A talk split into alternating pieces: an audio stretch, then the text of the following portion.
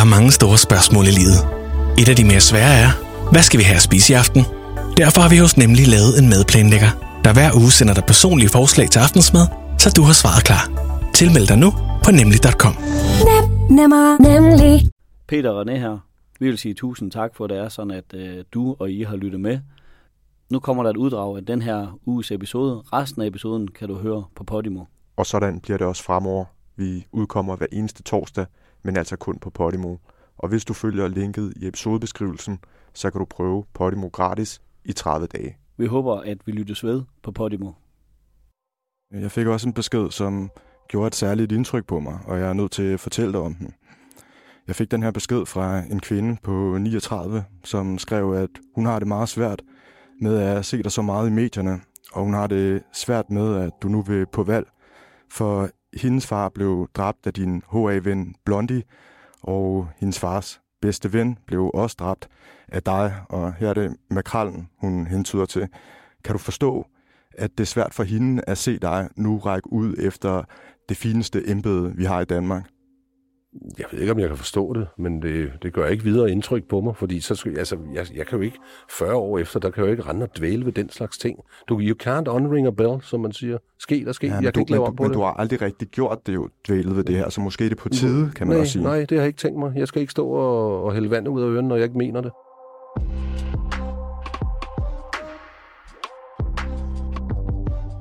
Du lytter til Panser, en ugenlig podcast på Podimo. Jeg hedder Peter Grå, og jeg er kriminaljournalist. Og jeg hedder René Dahl Andersen. Jeg er tidligere narkotikabetjent og har været undercover-agent ude i verden for PET.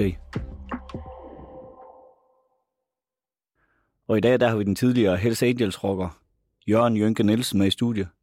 Ja, det er Velkommen. så Jørgen, men uh, tak for det. Nå, det er. Lidt, mere, lidt mindre end en bjørn, og lidt mere end en ørn. Velkommen til, Jørgen. Tak for det. Vi to kender hinanden, Jørgen, men kender I hinanden? Har du øh, mødt Jynke før, René? Ikke mig bekendt. Jeg har har- ikke rigtig bevæget mig i narkokredse, så... Og, og, og, Det er rigtigt, det øh, Jørgen han siger, at øh, jeg har ikke mødt ham i narkotikakreds, og jeg har aldrig stået over for ham på gaden, så jeg har glædet mig til at hilse på dig i dag. Ja. Og det kan godt være, at det lyder mærkeligt, at man Ja, øh, som tidligere betjent øh, har det, men for mig er du et stykke Danmarks historie også, og noget, der har fyldt meget i politiet, og Ja. i, både i undervisning og i samtale i patruljebilerne. Ja, jeg har hørt, at mine bøger de er blevet brugt inden til lidt undervisning inde på politiskolen også. Ja, og nu, øh, nu har vi begge to en bog, der bliver brugt til undervisning på politiskolen. Det er meget pudsigt. Ja. Men vi har mødt hinanden før. Ja. Inde i Indre By i København K, der lå der en, øh, sådan en kendis, øh, både cocktailbar, men også restaurant, der hed Grillbar. Kan du huske den? Ja, der, der kom jeg en gang imellem, ja. Og under den, øh, den konflikt, øh, som Hells Angels havde med Blågårds Plads, der var jeg i byen derinde Okay. med en kollega, og der står vi oppe i baren. Der sidder du med et par andre gutter dernede, ja. og et par yndige kvinder. Ja. Og så tænkte jeg, at øh, det er alligevel øh, flabbe nok øh, med din profil, og så sidder jeg inde i Indre By, så tænkte der må være nogle gutter her, der passer på dig. Ja. Og så gik jeg lige ud, så holdt der to biler med front mod indgang, sådan det, Ja. ligesom man ville gøre som politifolk. Ja. Og så tænkte jeg, der er højst sandsynligt nogen, der passer på ham der. Så ringte jeg til nogle kollegaer, og så ja. var der... Du kunne ikke lade være. Du Jeg- kunne ikke holde fri. Jeg kunne sgu ikke holde fri. Nej. Og det synes jeg heller ikke, man skal, men øh, så kom de, og så var der to af dine øh, fra dit hold, der, der røg i fængsel for Ja, ja, det var skarpe dengang, det var billigt at blive taget med en kanon. Det kan jeg godt huske, ja. Kan du huske aften? Ja, jeg kan sagtens huske aften. Ja, ja. Jeg, kan jo også, jeg kan huske de to, der hed Daniel, og den anden hed Jimmy, der blev taget med en pistol hver derinde. Jeg kan godt huske, ja. Hvordan reagerede du dengang, at dit hold det var væk? Jamen, der var et andet hold også. Så der var masser Hvor langt væk holdt de? længere væk. Så du Den havde fire mand? Nej, nej, vi var jo i byen, så mig kunne ikke øh, være på arbejde. så René har lidt kendskab til dig på grund af den her episode. Har du hørt noget om René? Nej, ikke rigtigt. Ikke før øh, han, han øh, blev fyret på grund af han, den der historie, han elsker med lamperne, ikke? Godt set, jeg er helt vild med den. ja, det kunne jeg forestille mig. Hvad tænker du om at sidde med sådan en tidligere politimand i dag? Det, er- det er jeg sådan set ligeglad med, ikke? Altså, du, jeg kender ikke så meget til Renés meritter, vel? Men øh, det betyder ikke så meget for mig. Jeg har aldrig hadet politiet. Jeg har været efter dem, og synes, vi skal have et godt politi. Og det kan du faktisk også se af mit partiprogram, at, at jeg vil have uddannelsen lavet om igen. Det der med to år, det synes jeg er frygteligt. Og så synes jeg jo, at man må finde en bedre løn, fordi du får et bedre politi, hvis folk er uddannet ordentligt og får en bedre løn. Det er så min mening. Men... Lad os lige forklare, hvorfor vi har Jørgen med i Panser i dag. Regeringen offentliggjorde tidligere på måneden et udspil til en ny bandepakke. Det er bandepakke nummer 4 med 39 initiativer.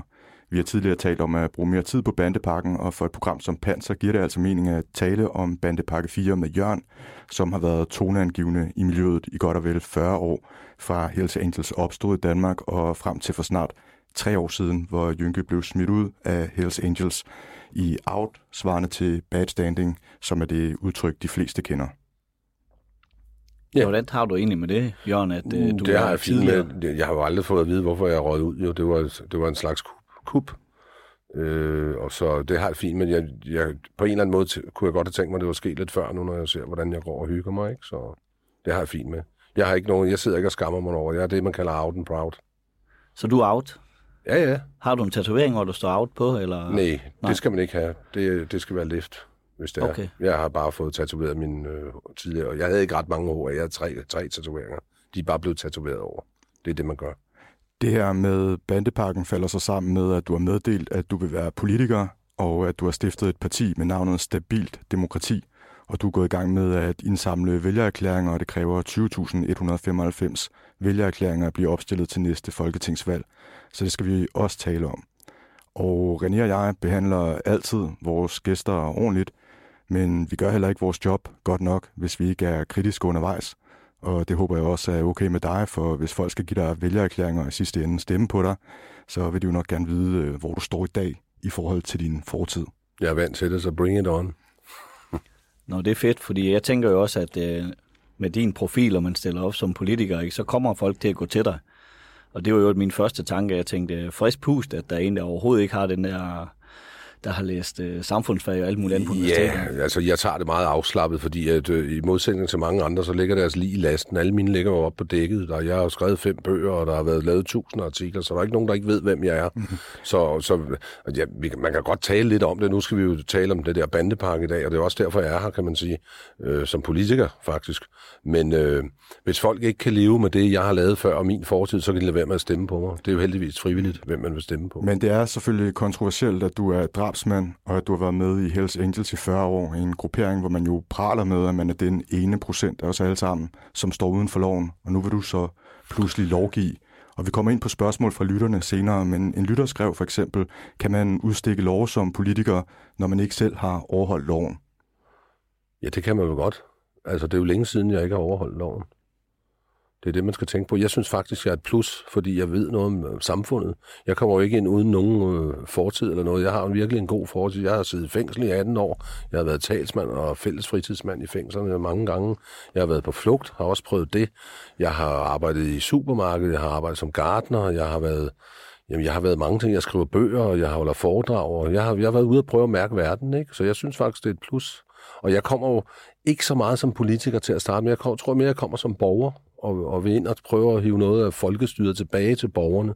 For jeg er rigtig træt af den måde, det fungerer derinde, når de slipper afsted med hvad som helst. For de lyver, de lyver, og de øh, bedrager, og, og de øh, foretager sig handlinger, som øh, de burde på en eller anden måde stille til ansvar overfor. Og der er sådan en politiker har jeg ikke tænkt mig at blive. Vi kommer med sandheden, og hvis vi dummer os, så skal vi nok sige undskyld til vores vælgere. Jørgen, nu siger du, at politikerne lyver. Ja. Har du løje efter det er sådan, at du er, ikke har siddet i fængsel sidst? Jeg har kun løjet i retten for at prøve at undgå straf, og det synes jeg er sådan meget almindeligt at, at gøre, øh, fordi hvem gider sidde i fængsel, hvis de kan undgå det? Jeg er, ikke, jeg er ikke god til at lyve, og jeg har aldrig brugt mig om det. Jeg er en meget ærlig mand, og det tror jeg også øh, de fleste, der kender mig, ved. Så.